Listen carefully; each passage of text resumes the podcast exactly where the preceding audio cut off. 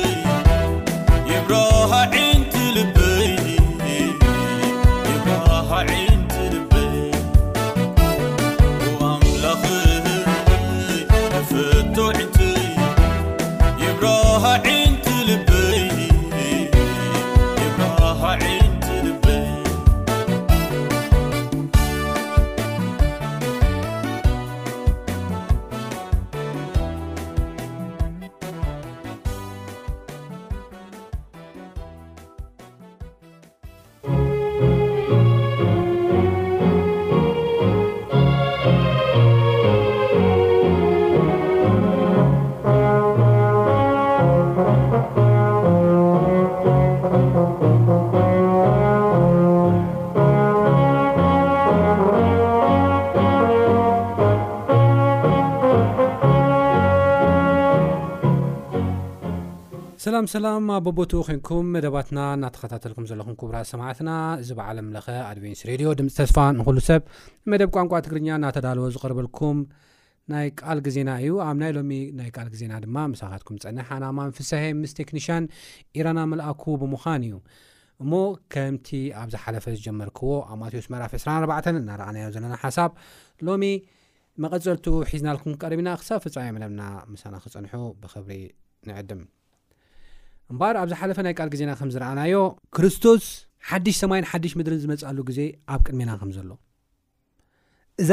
ሓጢኣተኛ ዓለም እዛ ሓጢኣተኛ ስርዓት ድማ ከምዚ ኢላ ከም ዘይትነብር ብዓመፅ ብክፍኣት ብምቅትታል ብሞት ብሓዘን ብሕማም ከምዚ ኢላ ከም ዘይትቕፅል መወዳእታ ከም ዘለዎ ናይዚ ዓለም ተግባር ኣብ ማቴዎስ ምዕራፍ 24 ተዛሪብና እዩ ከምዚ ኢላ ይተቐፅልያ ሰብ እናሓመመ ሰብ እናተሳቀየ ሰብ እናጓሃየ ሰብ እናሞተ ዝነብረላ ዓለም ኮይና ንዘለዓለም ፈፂማ ኣይትነብርን እያ ዓለም መወዳእታ ኣለዎ ጎይታ ብከምዚ ዓይነት መከራ ብከምዚ ዓይነት ስቃይ እናሓለፈ ዝነብር ዓለም ክርኢ ትዕግስቲ የብሉን ሓደ መዓልቲ ክመፅእ እዩ ሓደ መዓልቲ ናይዛ ሓጢኣተኛ ዓለምን ናይዛ ብዓመፅ ዝተመልኦት ክፍኣት ዝነበረላ ዓለም መወዳእታ ክመፅ እዩ ሓድሽ ሰማይን ሓድሽ ምድርን ድማ ነቶም እግዚኣብሄር ዘፍቅሩ ከም ሓሳብ እውን እተፀውዑ ሰባት ክወሃብ እዩ እሞ ንሕና ካብቶም ሓድሽ ሰማይን ሓድሽ ምድርን እተዳለወሎም ሰባት ኮይና ምእንቲ ክንወርስ ብክርስቶስ ክንኣምን ክንክእል ኣለና ናብ ክርስቶስ ክንመጽእ ክንክእል ኣለና ነብዚ ንኸይንኣቱ ዕንቅፋት ዝኾነና ማንኛውም ሓሶት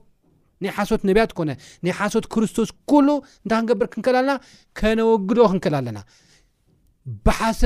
ብሓሰውቲ ነቢያትን ብሓሰውቲ ክርስቶሳትን ተታሊልና ምእንቲ ከይንወድቕ ድማ ክንጥንቀቕ ኣለና ዝብል ሓሳብ ርኢና ነርና እዚ ጥንቃቐ ዝበሃል ነገር ድማ እዝንኻ ምፅማም ኣይኮነን ናይ ካልእ ሓሳብ ዘይምቕባል ኣይኮነን ሓሳብካ ውን ንካልእ ዘይምክፋል ከም ደሴት ኣብ ማእኸል ሰብ እናነበርካ እቲ መንፈሳዊ ርእቶኻ ንማንም ከየካፈልካ ከም ደሴት ምንባር ኣይኮነን ምጥንቃቕ ማለት ምጥንቃቕ ማለት ምንም ቃል እግዚኣብሄር ከይመርመርካ በቲ ዝገብርዎን በቲ ዝሰማዕካዮን ጥራሕ ተገኒሕኻ ብኡ ተደፊእኻ ምእታው ወይ ድማ ምስዓብ ማለት ኣይኮነን ምጥንቃቕ ማለት ቃል እግዚኣብሄር ብደንቢ ኣንቢብካ ሓሳባት ማንኛውም ሓሳብ ካብ ፀጋም ይምፃእ ካብ የማን ካብ ቅድሚት ይምጻእ ካብ ድሕሪት እናሰማዕካ ነገር ግን ብቃል እግዚኣብሄር እናፈተሽካ ምኻድ እዩ ኣብቲ ሓቂ ዘበለ ድማ ኣብኡ ምምስራት እዩ ኣብኡ ደው ምባል እዩ መጽሓፍ ቅዱስ ማቴዎስ ምዕራፍ ሸውዓተ ከምዚ ድማ ይንበብ እንታይ ይብል ሽዑኡ ኣነ ነቶም ገበርቲ ዓመፃ ከቶ ኣይፈልጠኩምን እየ ካብ ኣይረሓቑ ክብሎም እየ ምስ በለ ነዚ ነገረይ እዚ ሰሚዑ ይብል ነቲ ቓለይ ሰሚዑ፣ ነቲ ቓለይ ተረዲኡ፣ እናሰላሰለ፣ ኣብቲ ሓቂ ደው ዚብል ማለት እዩ። ነዚ ነገረይ ሰሚዑ ዚገብሮ ዅሉ፣ ቤቱ ኣብ ከውሒ ዝሰርሐ ብልሂ ሰብኣይ ይመስል። ዝናብ ዘነበ፣ ውሒዝ ወሓዘ፣ ንፋስውን ነፈሰ፣ ነታ ቤት ከኣ ደፍእዋ። ኣብ ከውሒ ተሰሪታ እያ እሞ፣ ኣይወደቐትን። እዚ ነገረይ ሰሚዑ ዘይገብሮ ኸኣ፣ ቤቱ ኣብ ሑጻ ዝሰርሐ ዓሻ ሰብኣይ ይመስል። ዝናብ ዘነበ፣ ውሒዝ ወሓዘ፣ ንፋስውን ነፈሰ፣ ነታ ቤት ደፍእዋ ወደቐት እሞ፣ ኣወዳድቓኣ ኸኣ ዓቢ ኾነ። ይብለና። ኣብ ሓቂ ተሰሪትና ደው ክንብል ከለና፣ ኩሉ መሚና ኣብ ሓቂ ተሰሪትና ደው ክንብል ከለና፣ ማንም ዘውደቐና ካብቲ እግዚኣብሄር ዘዳለወልና ተስፋ ማንም ዘትርፈና ሓደ እኳ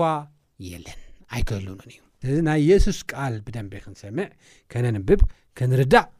ይግባኣና ሓሳብ በዚ ክመፅእ ይኽእል በዚ ክመፅእ ይኽእል እዩ ነገር ግን ብቓል እግዚኣብሄር ኩሉ ሓሳባት ምፍታሽ ኣገዳሲ እዩ እምበኣር ናብ ናይ ሎሚ ቓል ግዜና ክንኣቱ ከለና ካብዛ ጥቕሲ እዚኣ ሕጂ ዘንበብኳ እዩ ዝኣቱ እሞ ኣብ ሓቂ እተሰረተ ሰብ እንታይ ኣለዎ ኩሉ ግዜ ዝናብ ኣሎ ውሕጅ ኣሎ ንፋስ እውን ኣሎ ብክርስቶስ ኣሚኑ ኣብዚ ናይ ህይወት ጉዕዞ ኣብ ዝጓዓዘሉ እዋን ዝናብ ኣሎ ውሕጅ ኣሎ ንፋስ ኣሎ ደረጅ ራይዎ ደረጅ ራይዎ ሓያል ዝናብ ክህሉ ኽእል እዩ ካብኡ ዝባእሰ ከዓ ውሕጅ ኣሎ ገዛኻ ፀራሪጉ ንባዕልኻ ፀሪጉ ክወስደካ ዝኽእል ንፋስ እውን ኣሎ ነቒሉ ክወስዶ ዝኽእል ማለት እዩ ኣብ ማንም እኳ ከይትፅጋዕ ኣብ ማንም እኳ ተጠሊልካ ከይትነብር ዝገብር ሓያል ንፋስ፣ ሆቦብላ ንፋስ ወይ ድማ ናይዚ ምስ ዝናብ ዝመጽእ ሓያል ንፋስ ኣሎ። መከራ ኣሎ እዩ ዝብለና። እዚ ሓሳብዚ ከቢድ ዝኾነ በብድርጅኡ መከራ ኣሎ። ዘመን ኣብ ዘመን ክሓልፍ ከሎ ሓያል ዝኾነ መከራ ኣሎ እዩ ዝብለና ዘሎ የሱስ ክርስቶስ። ማቴዎስ ምዕራፍ 24 ክመጽእ እሞ የሱስ ክርስቶስ ካብ ዝበሎ ሓሳባት ንርአ። ውግእን ወረ ውግእን ክትሰምዑ ኢኹም ረኣዩ ኣይትሰንብዱ እዚ ኩሉ ክኸውን ብግዲኡ ግና ከም መወዳእታ ገና እዩ ህዝቢ ናብ ህዝቢ መንግስቲ ናብ መንግስቲ ክለዓል እዩ ኣቦቦትኡ ድማ ጥሜትን ፌራን ምንቅጥቃጥ ምድርን ክኸውን እዩ እዚ መጀመርታ ቅልውላው እዩ ኢሉ ይዛረብ። ቀጺሉ እውን ብዛዕባ እቲ ካልኣይ ቅልውላው ክዛረብ ከሎ ኣብ ማቴዎስ ምዕራፍ 24 ፍቕዲ 15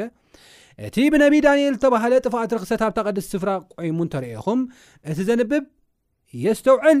ሽዑ ይሁዳ ዘለዉ ናብ ኦኽራም ይህደሙ ኣብ ዝባን ናሕሲ ዘለዉ ከዓ ኣብ ቤት ገለ ከማልኣ የውረድ ኣብ ወፍሪ ዘሎ ድማ ክዳን ኾስን ድሕሪታ ይመለስ በታ ቅነት እዚኣን ጥኑሳትን ዘጥባንስ ወይለአን ሽዑ መከራ ክኸውን እዩ ከምኡ ዝበለ ካብ መጀመርያ ዓለም ክሳዕ ሎሚ ዘይኮነ ከቶ ድማ ዘይከውን እዩሞ እቲ ምእዳንኩም ብክረምቲ ወይ ብሰንበት ከይከውን ስለመኑ እተን መዓልታት እቲኤ እንተዘይ ሓፅራት ስጋ ዘለበሰ እኳ ሓደ እኳ ኣይምድሓነን ይብለና ምእንቲ እቶም ሕሩያት ግና እተን መዓልታት እቲኤን ክሓፅራየን ይብል እንሆ ኣቐዲመ ነገርክኹም ኣብቲ ግንቢ ዘለዉ ኣሞራታት ናብኡ ክከቡ እዮም ኣብቲ ሓጢኣት ዘለዎም ኣብኡ እቶም ሓጢኣተኛታት ክእከቡ እዮም ይብለና መፅሓፍ ስለዚ እቲ ካልኣይ መግለጺ ተሃለወ ተሃለወ ነገር ተሃለወ ድማ እንታይ ኢና ንርኢ መከራ ኣሎ እዩ ፈተና ኣሎ እዩ ሽግር ኣሎ እዩ ኣብ ዓለም ኣብዛ ሓጢኣተኛ ሓጢኣት ዝነብረላ ዓለም ክሳብ ዘለና ፈተና መከራ ሽግር ሰባት እምነቶም ዝፍተንሉ ከቢድ ዝኾነ መከራ ኣሎ እዩ ፌራ ጥሜት ኣሎ እዩ ኣብ ብሉይ ኪዳንስ ነይሩ እንድዩ እንታይ ሓድሽ ነገር ኣሎ ሓሶቱ ነቢያት ኳ ኣብ ብሉይ ኪዳን ነይሮም እዮም ሕጂ እውን እዚ ነገር ግን እንታይ እቲ ኣፈላለዩ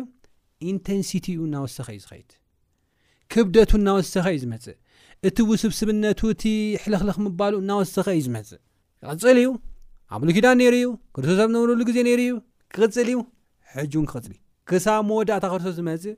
ይቕፅል እዩ ነገር ግን ክቕፅል ከሎ እቲ ኢንቴንሲቲኡ እናወሰኸ እቲ ውግእ ክቅፅል ከሎ እቲ ኢንቴንሲቲኡ እናወሰኸ እናወሰኸ እቲ ሕማሙን ክውስኽ ከሎ እቲ ግዜ እናሓለፈ ክኸይድ ከሎ እቲ ሕማሙን ከቢድ እናኾነ እቲ ሕማማት እናበዝሐ ዓይነታት እውን ከቢድ እናኾነ ፈውሲ ዘይርከበሉ ሕማማት እናበዝሑ እዮም ዝመፁ እዩ ዝብለና ዘሎ መፅሓፍ ቅዱስ እዚ ሓደ ነቢ ሎሚ መፅኡ ሰላም ክኸውን እዩ ኣብ ቅድሜኹም ሰላም ኣሎ ኣብ ቅድሜኹም ረህዋ ኣሎ ካበይ ኣምፅኡ እዚ ካብ ማንም ኣየምፅኦም ሓሲዮ ካብ ርእሱ ጥራሕ የምፅኦ መፅሓፍ ቅዱስን ከምዚ ዝብለና ከምዚ ስለ ዝብለና ንሕና እንታይ ክንገብር ኣለና ክንጥንቀቕን ክንፅልን እምነትና ኣፅኒዕና ክንሕዝን ምስ ካል እግዚኣብሄር ጠኒዕና ክንመላለስን ይግባኣና እዩ እንሆ ኣቐዲመ ነገርኩኹም ይብለና የሱስ ክርስቶስ እን ኣቐዲመ ነገርኩኹም ካብ ዝገርም ነገር የሱስ ክርስቶስ ግን መከራ ክመፅ ዩ ሽግር ክመፅ ዩ ፈተና ክመፅ ዩ ጸልዩ መከራኹም ብሰንበት ወይ ብክረምቲ ከይከውን ጸልዩ ክብለና ከሎ ተስፋ ሂብና እዩ ማቴዎስ ምዕራፍ 28 ፍቅዲ 19 ክሳብ 20 ስለዚ ኺዱ ንኣህዛብ ብስም ኣቦን ወድን መንፈስ ቅዱስን እናጠመቅኩም ዝኣዘዝኩኹም ኩሉ ክሕልዉ እናምሃርኩኹም ደቀ መዛሙርቲ ግበሮም እንሆ ድማ ኣነ ክሳዕ መወዳእታ ዓለም ኩሉ መዓልቲ ምሳኹም እየ ይብላ ኩሉ ግዜ ምሳኹም እየ ክርስቶስ ምሳና እዩ ፈተና ተበዝሐ መከራ ተበዝሐ ንሕና ምስ ክርስቶስ እንተ ኮይና ምስ እንተ ተጣቢቕና እምነትና ኡ እንተ ኮይኑ ንሱ ምሳና እዩ ንሱ ምሳና እዩ እግዚኣብሔር ይመስገን ዝፈትዎ ኩሉ ግዜ ደጋጊመ ዘንብቦ ጥቕሲ ኣሎ ምፅንናዕ ዝበኒ ኣብ ኢሳያስ መራፍ 43 እዩ ዝርከብ ኢሳያስ ብዙሕ ናይ ተስፋ ቓላት ዝሓዘ መፅሓፍ እዩ እንታይ ይብል ሕጂ ግና ኣታ ያእቆብ እቲ ዝፈጠረካ ኣታ እስራኤል ድማ እቲ ዝደኰነካ እግዚኣብሄር ከምዚ ይብል ተበጄካይ እሞ ኣይትፍራህ ብስምካ ዝጸዋዕኩኻ ንስኻ ናተይ ኢኻ ምስ በለ ብማያት ምስ እትሓልፍ ኣነ ምሳኻ ክኸውን እየ ብውሒዝ ምስ ትሳገር ከኣ ኣይከጥሕለካን ብሓዊ ምስ እትኸይድ ኣይክትነድልን ኢኻ ሃልሃልታውን ኣይክህሙኸካን እዩ ብማያት ምስ እትሓልፍ ምሳኻ ክኸውን እዩ ምሳኻ ካብ ምዃነይ ዝተላዕለ ኸኣ ሓዊ ኣይክህሙኸካን እዩ፣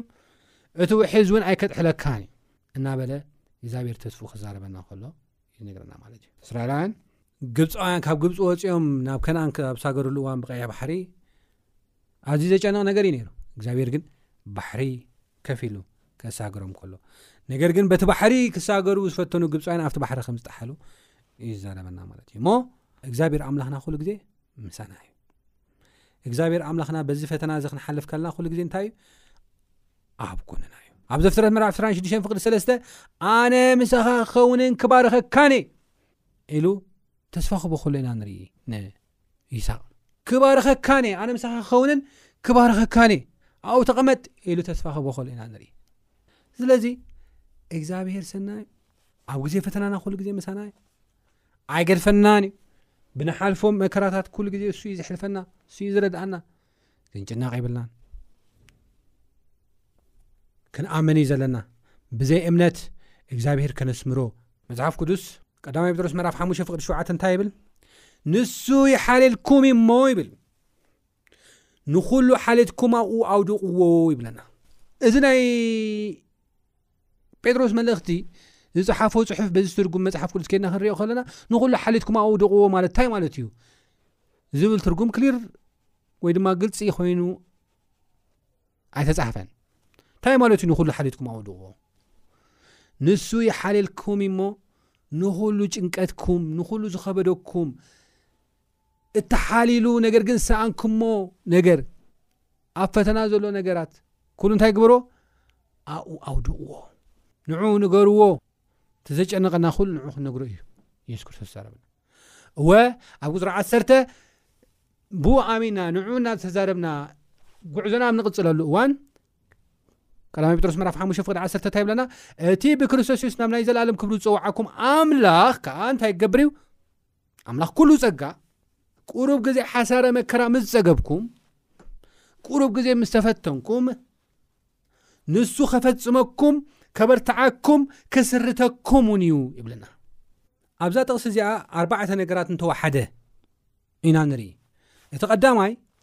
እንታይ ይብል እቲ ብክርስቶስ ሱስ ናብ ናይ ዘለዓለም ክብሪ ዝፀውዓኩም ኣምላኽ ኩሉ ፀጋ ይብለና ናብ ናይ ዘለዓለም ክብሪ ይፀውዒና እግዚኣብሄር እንድያም እዚ መከራ እዚ ምስቲ ተዳልዩልና ዘሎ ክብሪ ምስቲ ዘለዓለማዊ ተዳልዩልና ዘሎ ክብሪ ክነጻጸር ከሎሲ ምንም ከም ዘይኮነ ኣሓስብ ኣሎኹ ይብል ጳውሎስ ክዛረብ ከሎ እዚ ንሓልፎ ዘለና መከራ እዚ ንሓልፎ ዘለና ሽግር እዚ ንሓልፎ ዘለና ፈተና ምስቲ እግዚኣብሄር ዘዳለወልና ዘለዓለማዊ ክብሪ ክነጻጽሮ ከለኹስ ኣይነጻጸረለይን እዩ ጭራሽ ዝነጻጸር ኣይኮነን ናይ እግዚኣብሄር ዘዳለወልና ዘለዓለማዊ ክብሪ ኣዝዩ ዓብዪ እዩ ብኣእምሮን ክንሓስቦ ካብ ኣእምሮናዊ ንላዕሊ እዩ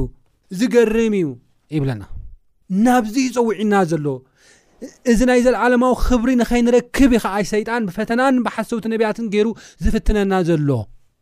እቲ ብክርስቶስ የሱስ ናብ ናይ ዘለዓለም ክብሩ ዝፀዋዓኩም ኣምላኽ ኩሉ ፀጋ ኸ ይብል ኣምላኽና ኣምላኽ ኩሉ ፀጋ እዩ እዚ ናብ ናይ ዘለዓለም ክብሪ ንባዕሉ ዝፀዋዓና ብፀጉኡ እዩ ኣብ ዝሓለፈ ብዛዕባ ጸጋ ተዘራሪብና ነርና ኢና ጸጋ ማለት ንዘይግብኦ ዝወሃቦ ናይ ኣምላኽ ውህበት እዩ ኢልና ተዘራሪብና ነርና ኢና ንዘይግብኦ ሰብ ዝወሃብ ናይ ኣምላኽ ውህበት እዩ ኢልና ነርና ኢና ዘለዓለም ክብሪ ኣይግባኣናን እዩ ነይሩ ንዓና ዘልኣለም ክብሪ ዘይኮነስ ዘልኣለም ጥፍኣት እዩ ብሓጢኣትና ብበደልና ብዓመፅና ብዘይምእዛዝና ዝግብኣና ነይሩ ነገር ግን ኣምላኽና ኣምላኽ ኩሉ ፀጋ ካብ ምዃኑ ዝተላዕለ ዘልዓለም ጥፍኣት ዝግብኣና ዝነበረ ሰባት ናብ ናይ ዘልዓለም ክብሪ ብክርስቶስ ገይሩ ከም ፀዋዓና ኢና ንርኢ ስለዚ ብክርስቶስ ኣሚኖም ናይ እግዚኣብሔር ፃውዒት ዝተቐበሉ ኩሉ ዘለዓለማዊ ክብሪ ከም ዝወሃቦም እዩ ዝዛረበና መፅሓፍ ቅዱስ ቀፂሉ ኣይሓበን ሓሰራ መከራ ከም ዘሎ ሽግር ፈተና ከም ዘሎ ብዛ ዓለም እዚኣ ቅሩብ ሓሳረ መከራ ምስ ፀገብኩም ይብል እግዚኣብሔር ሓሳረ መከራ ክንጸግብ ብፈተና ክንሓልፍ ይደሊ እዩ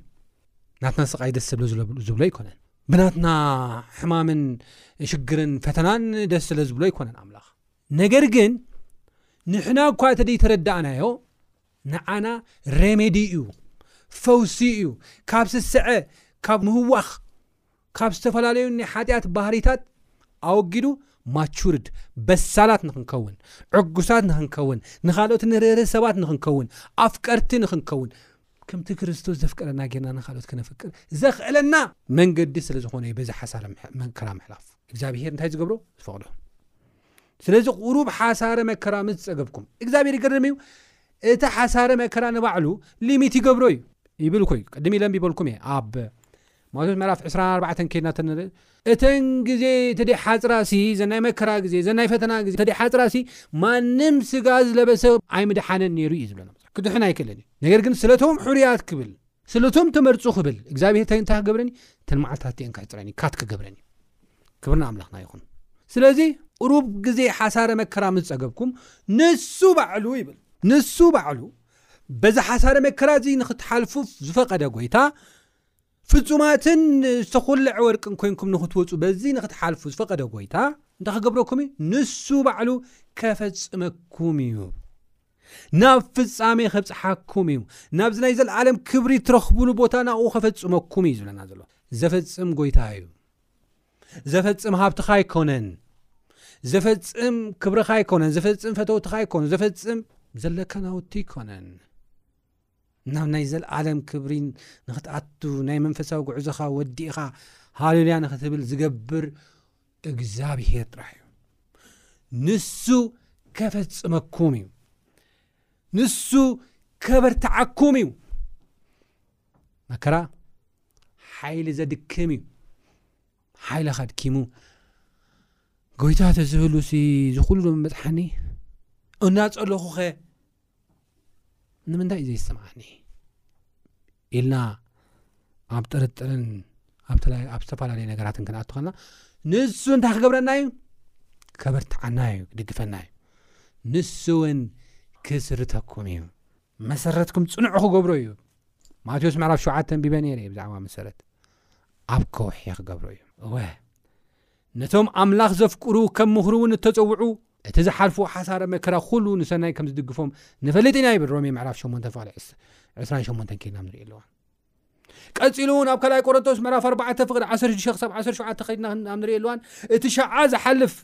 ቀሊልን ጸበባና ማእለያ ዘይብሉ ብሉጽ ናይ ዘልኣሎም ምሉእ ረዚን ክብሪ የዳልወልና እዩ እሞ እቲ መጻኢ ሰብና እንተበስበሰ እኳ እቲ ውሽጥና ኣብ ጸጽባሕ ይሓደስ ኣሎ ንምንታይ እቲ ናይ ዘለኣለም ክብሪ እናረኣና ይብል ካልኣይ ቆሮንቶስ ኣርባዕተ ዓሰርተ ሽዱሽተ ክሳብ ዓሰርተ ሸውዓተ ስለዚ እቲ ምፍታን እምነትኩም ብምግባር የሱስ ክርስቶስ ምስጋናን ስብሓትን ክብርን ብሓዊ ከምዚ ኩላዕ ንሓላፊ ወርቂ ኣዝዩ ክብሩ ምእንቲ ክርከብ ከቢሩ ምእንቲ ክርከብ እንተድለየስ ሕጂ ብዙሕ ዝዓይነት ፈተና ምስ ጓይኹም ብኡ ክትሕጎሱ ኢኹም እንኳዕ ተፈተንኩ ኢልኩም ክትሕጎሱ ኢኹም መጨረሻ ምስ ረኣኹሞ እንኳዕ ተፈተንኩ እንኳዕ በዚ ሓሳረ መከራ ሓለፍኩ ኢልኩም ክትሕጎሱ ኢኹም ብኡ ይብለና እሞ ፈተና ኣሎ እዩ ዓለም ትናወፅ ኣላ እያ ግሎባል ክራይሲስ ኣሎ እዩ ሽግር ኣሎ እዩ ነገር ግን ጎይታ ምሳና እዩ ጎይታ ምሳና እዩ ምእንቲ እንታይ ክገብረና ከፈፅመና ምእንቲ እንታይ ክገብረና ከበርታዕና ምእንቲ እንታይ ክገብረና ክሰርተና እዚ ፈተና እንታይ ክንገብር የብልናን ከነንፀርፅር የብልና እዚ ንሓልፎ ዘለና ፈተና ብኡ ክትሕገሱም ኢኹም ዝብለና ድማ ምስተረዚን ክብሪ ከነናፅሮ ከለና